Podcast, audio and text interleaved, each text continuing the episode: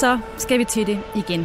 For det er altså blevet onsdag, og derfor så sidder vi her i studiet på BT til en ny omgang K-Magazine, din podcast om Formel 1.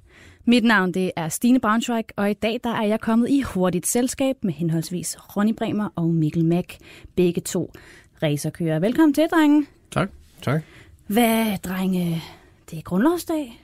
Det er valgdag. Skal I sidde derhjemme og følge med i, uh, i valget i dag, eller hvad? Nej, det er først i aften jo engang, ikke? Nu Jo, jo, skal de så klokken øh, 8, så der, der er masser af arbejde øh, for mit vedkommende. i Altså, det er godt, godt i gang på TV2 News, skal jeg helt sige. Ja, jeg har set de det samme indslag to gange allerede. Så. Jeg Hvad? tænker, det er svært, når der ikke er nogen stemmer inde. Hvad med dig, Mikkel? Skal du lave noget spændende på grundlovsdag? Nej, det skal jeg faktisk ikke. Jeg skal bare træne og alt muligt, ligesom som sædvanligt. Du er også ligesom forkølet, kan jeg høre. Ja, jeg har lige ligget syg, så, Nå. så det skal også lige ud af kroppen. Nå, for søren. Nå, Så er det godt, at uh, vi sidder her i et lille tæt studie, hvor du forhåbentlig kan smitte os alle sammen. Ja, så får I nogle fridage. Så ah, det, uh, sådan tror jeg ikke, det fungerer. Men uh, nå, lad os komme til sagen. Om lidt der tager vi hul på dagens emner. Velkommen til alle jer, der lytter med. Turen, den går til Canada. Og nej, det er ikke titlen på en rejsebog til dejlig inspiration, men altså et faktum.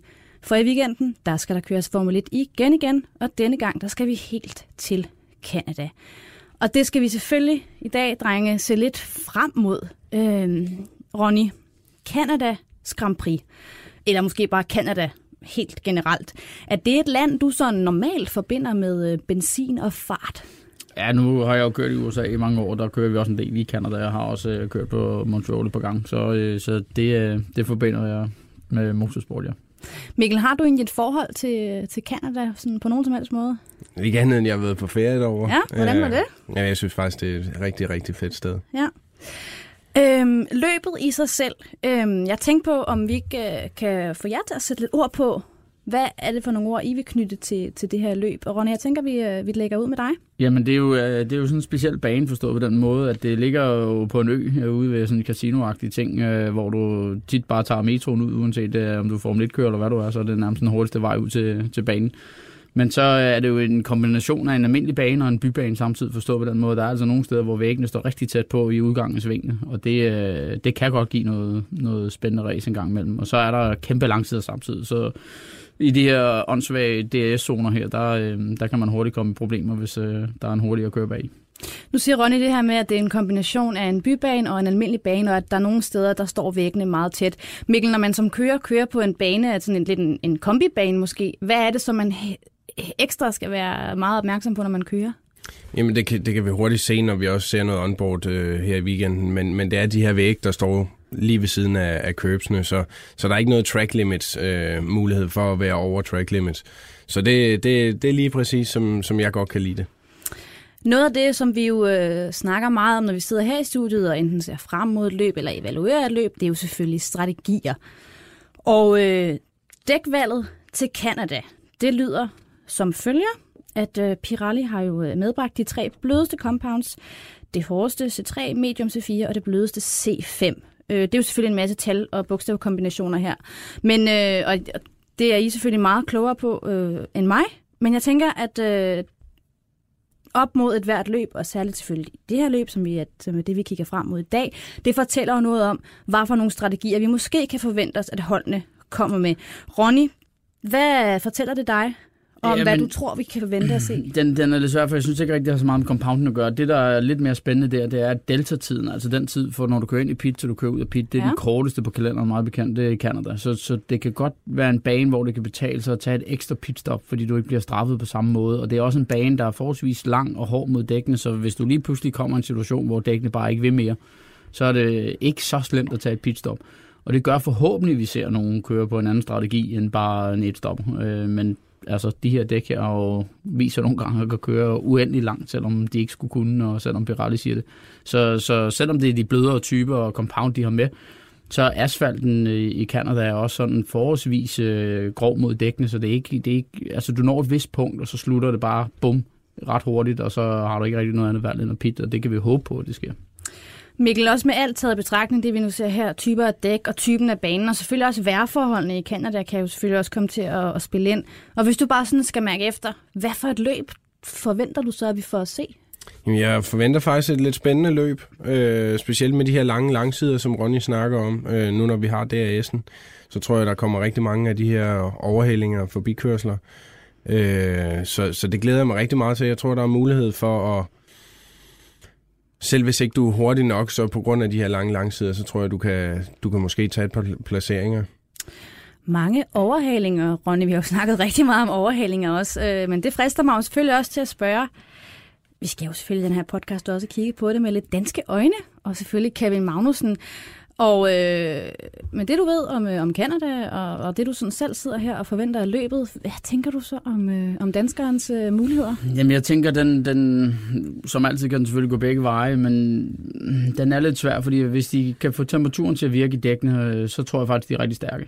Øh, men det er en bane, som er sådan lidt atypisk, øh, og bilen kræver rimelig meget, ikke kun chaufføren, men også bilen. Altså igennem chikanerne, der, der skal bilen altså bare virke, eller så kører du alt for langsomt, og højst sandsynligt bare sætter den i væggen i stedet for. Og så har du alt det her ligeudstykke samtidig, hvor det har det ikke altid været det hurtigste, når det går lige ud. Og det kan altså koste, hvis den anden lige er inden for, for det sekund her, så er det nærmest umuligt at gøre noget ned af baglangsiden. Så jeg tror, det bliver øh, lidt sværere løb for Haas i den her weekend, end det har været øh, i, i de andre weekender. Men øh, forhåbentlig, så tager jeg fejl. Ja, altså, øh, vi har jo også snakket meget om, Mikkel, at i nogle typer af løb, der betyder kvalifikationen rigtig meget i forhold til, hvor du, øh, hvor du selvfølgelig starter på gridden. Hvad tror du, det kommer til at få øh, betydning for, for Kanadas Grand Prix? Startplacering er altid vigtig, men, men altså, Kanada, der, der vil jeg se den som mindre vigtig. Øh, men igen, hvis du starter for langt ned, og der er en, der kører i muren allerede på første omgang, og der, du bliver øh, havner bagved, øh, så, så er det jo noget lort. Så så jeg vil sige, det, det er vigtigt, men det, det er ikke lige så vigtigt som øh, Monaco. Og så også, hvis man ovenikøbet så heller ikke kan få varme i sin dæk. Det håber vi jo så selvfølgelig. Hold, at, hold varme, ja. Men jeg, jeg vil også sige, det, det er en bane, hvor igen, at du kan tage en chance, i stedet for som vi så, uh, Kevin miste et, et rigtig godt løb i Monaco ved at være hurtig, og man ikke kunne komme nogen steder. Så er det her et sted, hvor selvom du er hurtig, og du måske ikke kan komme forbi af en eller anden grund, selvom der er store DRS-zoner, så er det, at strategien åbner op for, fordi deltatiden er så kort, at du måske kan lave en anden strategi, hvor du kommer ud i ren luft, og så kan køre det hurtigt, og så komme forbi den vej. Så forhåbentlig ser vi, at det kommer lidt mere i spil. Jeg frygter, det ikke gør, men det håber jeg, at det gør. Ja, det håber jeg da godt nok også, at vi også kan få lidt, uh, lidt lækker drama. Drenge, jeg har jo også bedt jer om at udpege en uh, favorit til at vinde det her løb. Og jeg ved jo, at vi sidder her med to fløje, hvor øh, den ene holder lidt mere med Mercedes, og den anden holder af, er også professionel Jeg synes, det var synd, Mikkel ikke var her sidste gang efter Monaco.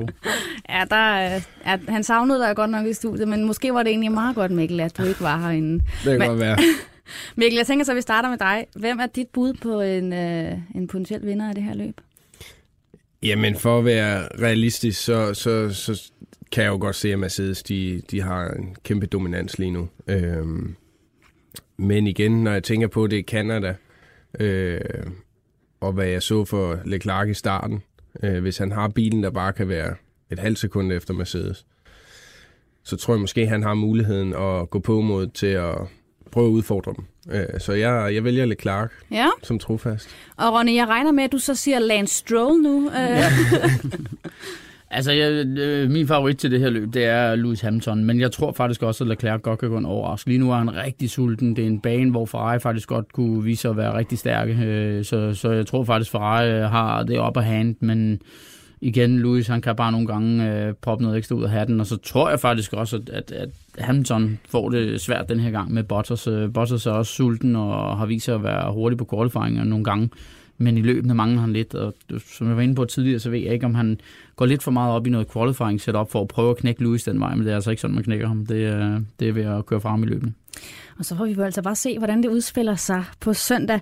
Inden vi lige hopper videre i øh, dag, så skal vi lige forbi vores faste element, Peter fra paddocken. Og det er jo altså her, hvor BT's Form 1-korrespondent tager os og lytterne helt med ind i paddocken. Og Peter Nygaard, ja, han har sendt os en lille hilsen. Jeg er ked af, at jeg ikke kan være på menuen i dagens udgave af K-Magasin. Når jeg optager, sidder jeg i Lufthansa Flight 6794 til Montreal, så dagens ret i studiet må jeg være macaroni. Fik I den? Nå, tilbage til paddocken. Den er i Montreal anderledes end på alle andre baner. Jeg hører, der er bygget nye pitgarager og nyt mediecenter til i år, og det er tiltrængt. Banen ligger jo klods op af det olympiske rostadion for lejene i 1976, og mediecenteret har de seneste mange år været en kæmpe telt, placeret på en række pontoner i selve robassinet. Fint nok, når det ikke blæser, Men hvis det blæser, og det gør det altså faktisk tit i Montreal, selvom i sommeren, så kan man faktisk blive søsyg, når man sidder og skriver. Men Robasenget har også sine gode sider. Da Formel 1 kom til Montreal for første gang i 1978, gik der ikke ret længe, inden de deltagende teams begyndte at konkurrere om, hvem der var hurtigst til at krydse bassinet. Sådan er Formel 1-folk jo. Konkurrencemennesker til fingerspidserne. I løbet af et par år blev det et helt officielt løb, hvor hver teams mekaniker byggede en flåde af forhåndværende materialer i paddocken, og så kæmpede om, hvem der kom først over på den anden side og tilbage igen. De første år var bådene fragtkasser eller et par olietønder, der blev suget sammen med tovværk, men selvfølgelig gik der Formel 1 i den. Snart var der tale om specialbyggede konstruktioner, der for større eller mindre formål blev bygget i paddocken eller hjemme på fabrikken og sendt til Montreal med luftfragt. Mindre teams må klare sig så godt de kunne, og jeg husker stadig, hvordan der engang blev brugt en kulfibermonokok, altså en Formel 1-bils overlevelsescelle, til at krydse robassinet. Som I nok kan høre, stak det hele lidt af fra den oprindelige idé om at bygge skibe af fragtkasser og olietønder, og da Formel 1 så pludselig opdagede, at penge trods alt ikke gror på træerne, blev roregattaen i Montreal paddocken aflyst. Indtil for to år siden, for de nye ejere af sportens kommercielle rettigheder, amerikanske Liberty Media, genindførte ideen, og de sidste to år har vi så tilbragt lørdag aften i Montreal med at se de 10 teams fra CRO Stadion. Reglementet er, ligesom i Formel 1, strammet gevaldigt op, og nu får hver team udleveret præcis samme rommeretaler, som de på to timer skal omdanne til en sødygtig flåde. Det er noget, man går meget op i hos hver eneste team. Hos Haas har man de to sidste år været tæt på top 3, og begge gange havde man en real size fotostat af admiral Günther Steiner, iført uniform og admiralkasket naturligvis, med ombord. Den hyggelige aften slutter med præmieoverrækkelse, burger og Budweisers. Jeg kan godt afsløre vinderen af bådræset i studiet i næste uge, men indtil da, på gensyn og god race weekend. Racing, competing is in my blood. Formel 1-sæsonen 2019 er nået til sit syvende Grand Prix, når turen så nemt går til Canada. Og dermed så nærmer vi os en tredjedel af sæsonen. Så jeg tænkte på mig selv, hvad har vi så egentlig været vidne til i den første del af denne sæson? Og hvem er bedre til at svare på det end mine to gæster i dag? Og i dag, drenge, der skal vi prøve at nørde lidt. Øh, jeg har nemlig givet en lidt frit slag til at ja, få mulighed for at komme med en masse meninger i dag. Og Ronny, jeg lægger benhårdt ud. Hvis du skal beskrive sæsonen 2019 indtil videre med et ord, hvilket ord skulle det så være? Så er det overraskende. Overraskende, okay. Overraskende. Hvorfor? Fordi at øh, hvis man tager vintertesten, så så det ud som om Ferrari var rigtig stærk, og det har ikke rigtig vist sig at være sådan. Man kan sige, som vi var inde på i sidste uge med Peter, så er det ikke fordi Ferrari er så langt væk, som det måske ser ud til at være, men jeg synes, det er overraskende, at øh, hvad hedder det, Mercedes har domineret så meget, som de har, og så er der et par andre teams, der har overrasket både negativt og positivt i, igennem sæsonen. Så jeg synes faktisk, det, det er en sæson, som er lidt overraskende, hvor vi vil jo gerne kloge os på, hvem der klarer sig, og hvordan, og frem og tilbage, men jeg tror, de fleste, der har prøvet at kloge sig, øh, inklusive mig selv, har haft lidt svært ved at se, at det egentlig kom til at se sådan her ud af, efter de løb, vi har kørt nu. Så har vi overraskende på den her fløj herover. Mikkel, hvad for et ord har du øh, valgt at beskrive sæsonen indtil videre med? Ydmygelse. Ja, og jeg antager, at den retter sig mod et rødt hold.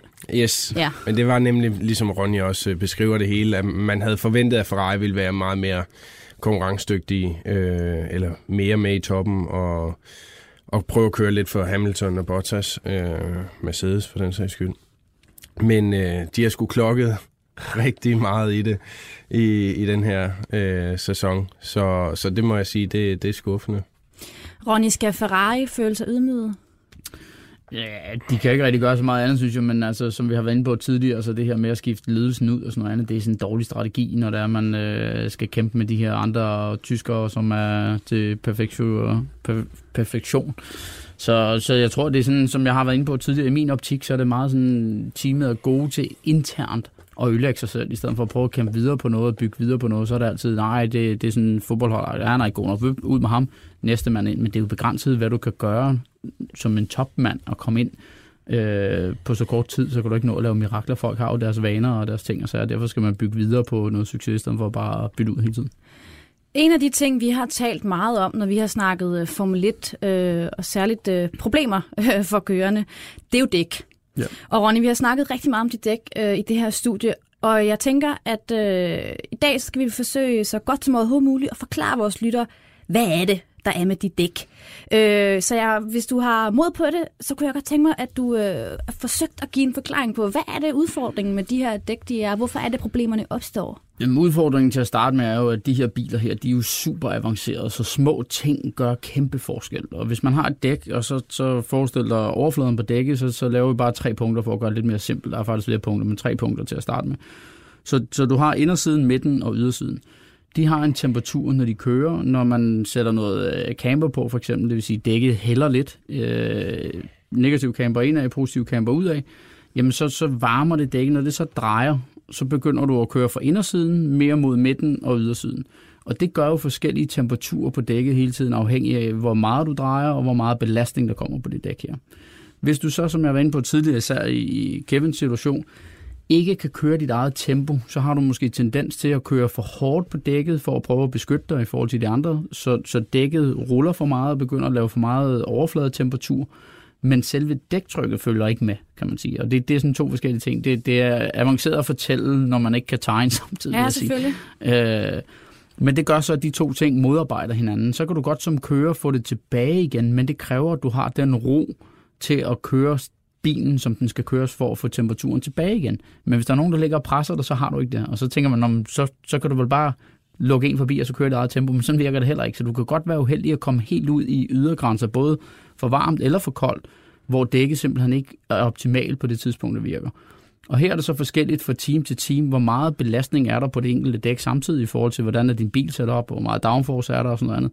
Så du kan godt risikere, at for eksempel i de små sving, der får du den temperatur, du skal, men i de hurtige sving bliver det kølet ned, eller omvendt. Så det er sådan en virkelig, virkelig øh, avanceret del, og dækket er jo det, som er til asfalten. Det vil sige, det er det vigtigste punkt på bilen, kan man sige. Øh, og det, det skal bare virke. Og når vi så kigger på Haas især, jamen, så sidder der én mand.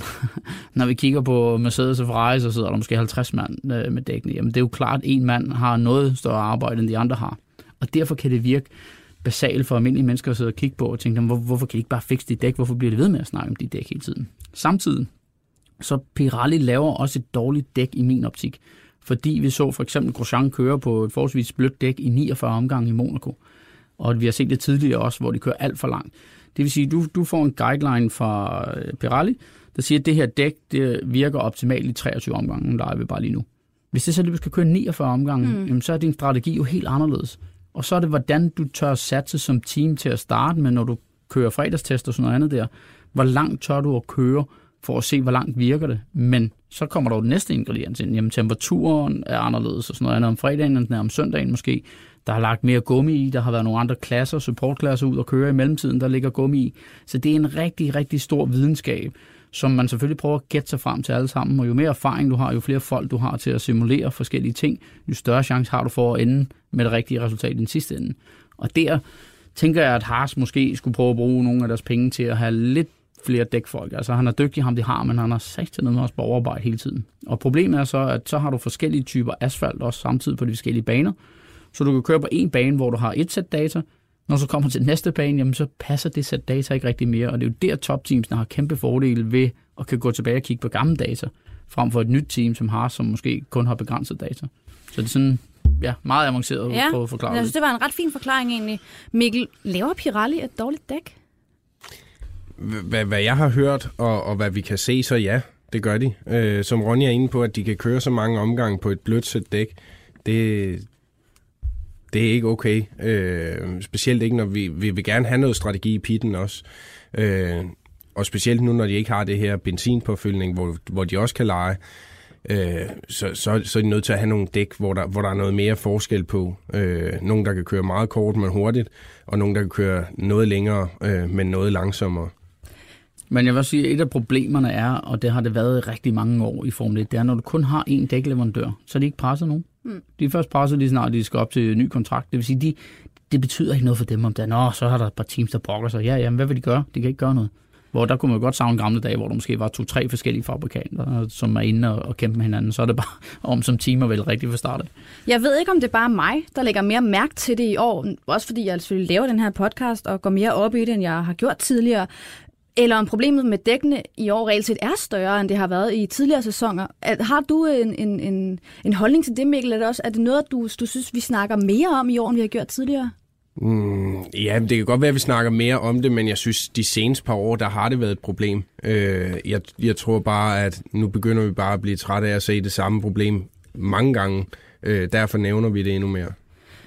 Noget af det, vi jo også har snakket om øh, i den her podcast rigtig meget, øh, det er jo, at i Formel 1, der skal ting jo også gå op i en større enhed, og at øh, man kan ikke så at sige løse et problem i Formel 1 ved ligesom bare at gribe ud efter én ting. Der skal ofte gribes bredere fat. Ronny, når man som om Formel 1-hold for eksempel har problemer med netop fart i dækkene, hvad er det så, man også kan gøre for at forsøge at komme det her problem til livs? Altså, hvad er det for nogle andre sådan, opsætninger på bilen og ting og sager i strategien? Hvordan kan man så at sige løse det her, når man altså jo ikke bare kan gå ind og sige, at jeg vil have et andet dæk? Jamen altså, der er, jo, der er jo flere ting i det. Et af problemerne er selvfølgelig, som kører, så har du ikke rigtig noget test. Det vil sige, du kan kun sidde og lave en masse simulatortester. Og igen, der har de store teams en kæmpe fordel. Så som kører kan det godt være, at du skal ændre din kørestil. Altså i, i min optik, som racerkører, for at være en god racerkører, så skal du altid finde ud af, hvordan vil den her bil køre bedst muligt. Det, der så er problemet i Formel 1, kan man sige, i forhold til måske mig og Mikkel, det vi kører i normalt, det er, at der er så mange nye ændringer hele tiden, fordi der bliver udviklet og udviklet og udviklet, så, så det er svært at lære bilen at kende for sidste weekend, for der er måske allerede nogle nye komponenter på nu til den her weekend, så den kan køre markant anderledes. Og da du har begrænset tid, fordi at du i godsøjne er professionel Formel 1-kører, så har du måske 15 omgange i træningen, hvor du lige kan give gas og prøve dig frem. Det er jo ikke meget til at finde ud af, hvordan skal den her køres. Så man kan sige, der hvor ingeniører sådan noget kan gå ind og lave om på det, det er ligesom at sige, okay, hvordan, i forhold til hvordan køren, hvordan presser han, hvordan kan vi så lave om på bilen, til den måske får noget mere downforce, mindre downforce, noget mere mekanisk greb, mindre mekanisk greb, for at prøve at kompensere for det. Men du har bare begrænset tid til at finde ud af, hvordan det er. Og det er også derfor, vi tit kan høre, når de har kørt en træning, og, og en eller anden har været hurtigst, øh, for eksempel Leclerc i, i hvad hedder det, Monaco, hurtigst i tredje træning, og lige pludselig kommer ikke med i Q3. Altså det burde han jo sagtens kunne sætte en omgang ind og gøre.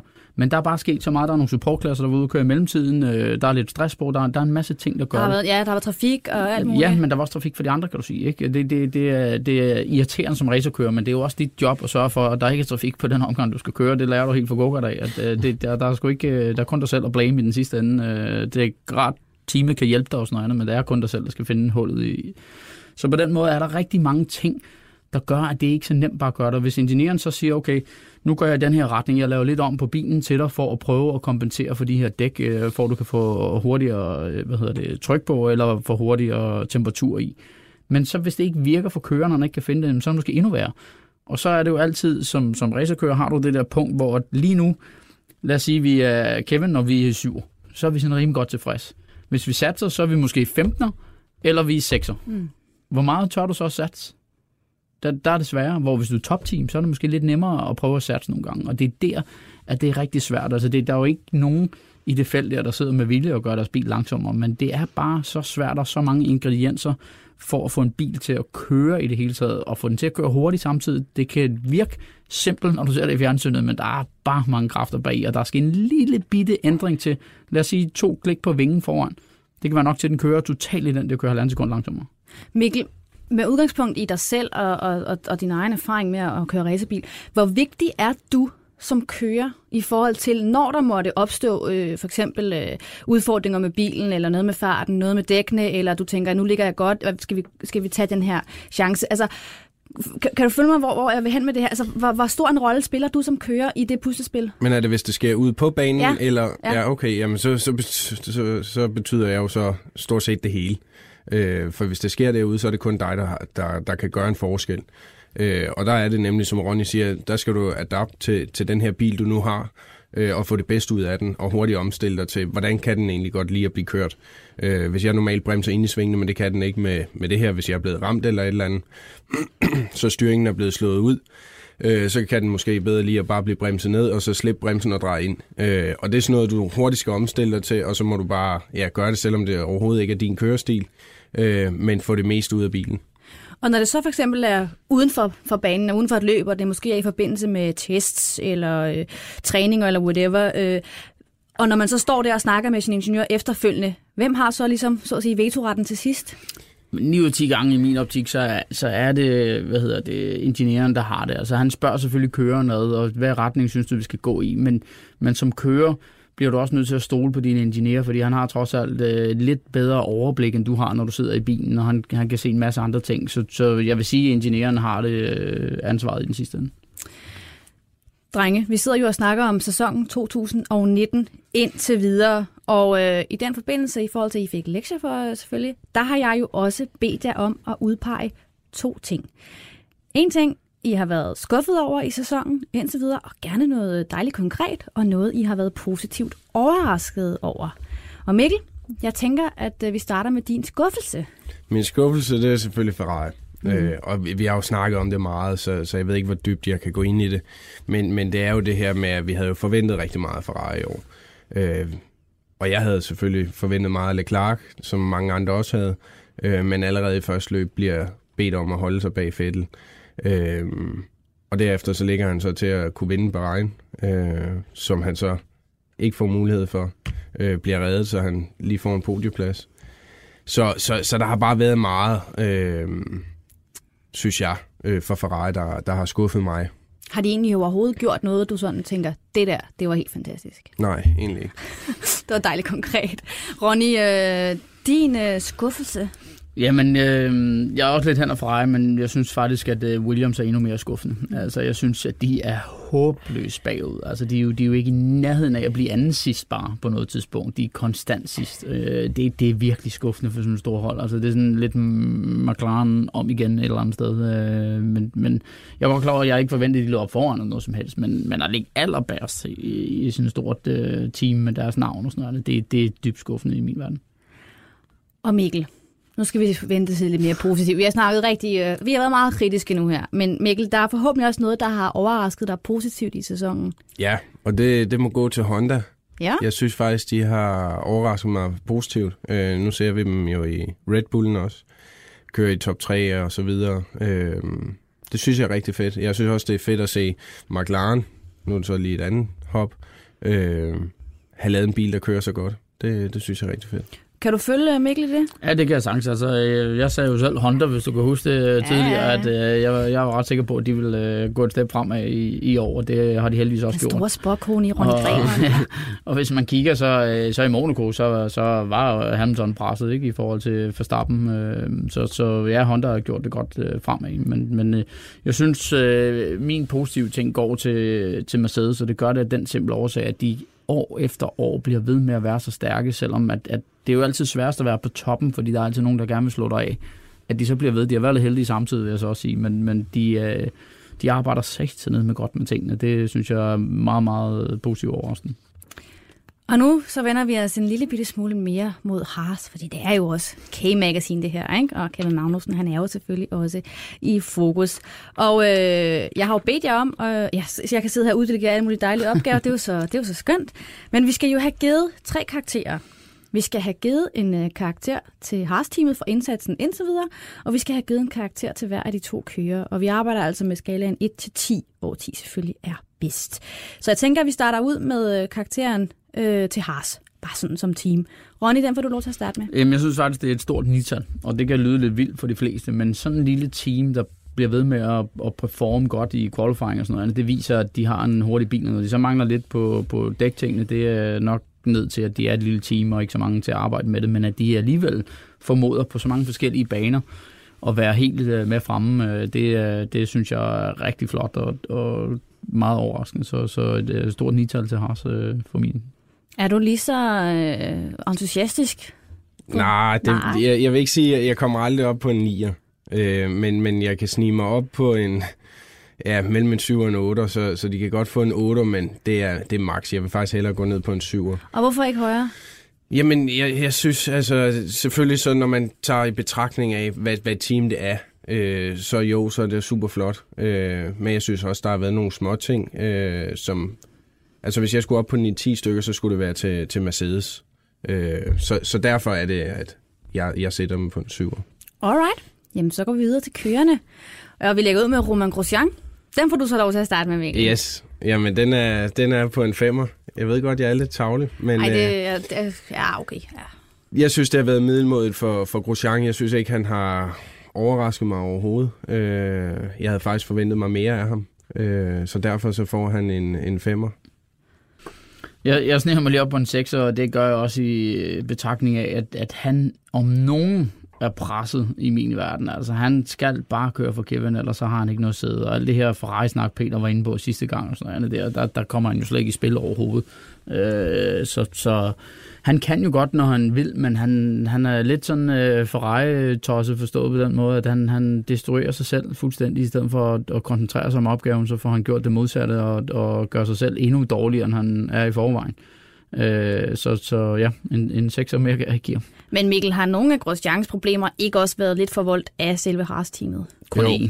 Ja, men, men, men, men derfor er det også, at jeg, jeg, jeg giver dem syv øh, til teamet. Ikke? Men, øh, men nej, jeg synes ikke, han har, han har vist mig noget, hvor jeg tænker, wow.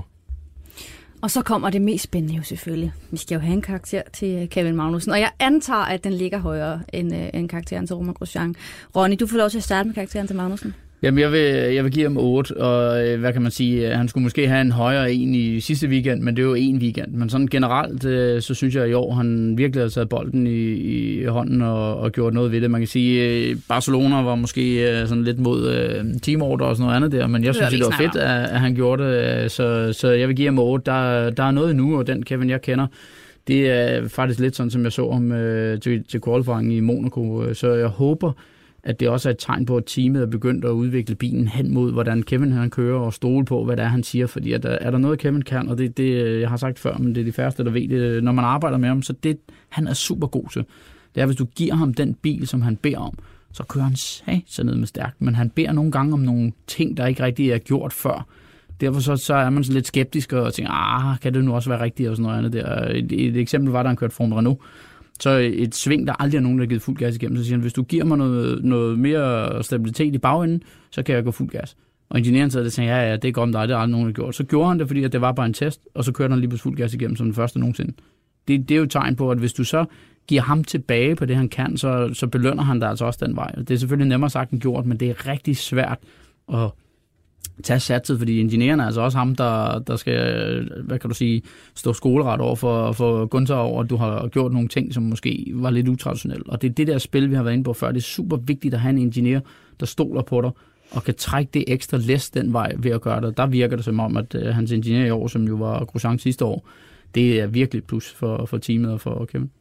Mikkel, din karakter, ligger den højere eller lavere end Det Ronnys? ligger faktisk på det samme. Ja, Øh, og det er meget positivt. Øh, jeg synes, han har udviklet sig rigtig meget den her sæson. Han har virkelig fået, fået fat i de her kvalifikationer i forhold til, til den sidste halvdel af sidste år.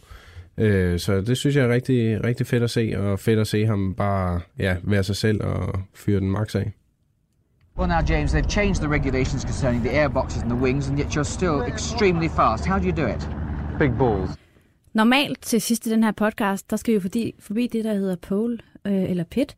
Men så kom jeg jo til at tænke på, at øh, vi har jo snakket om øh, sæsonens øh, skuffelse og overraskelse indtil videre, så jeg tænkte, jeg havde egentlig kommet til at give jer dobbeltkonfekt lektier for. øh, så jeg vil egentlig bare lige høre jer til at starte med, har I taget noget med, der ikke er relateret sig til, øh, specifikt til, øh, til sæsonen indtil videre?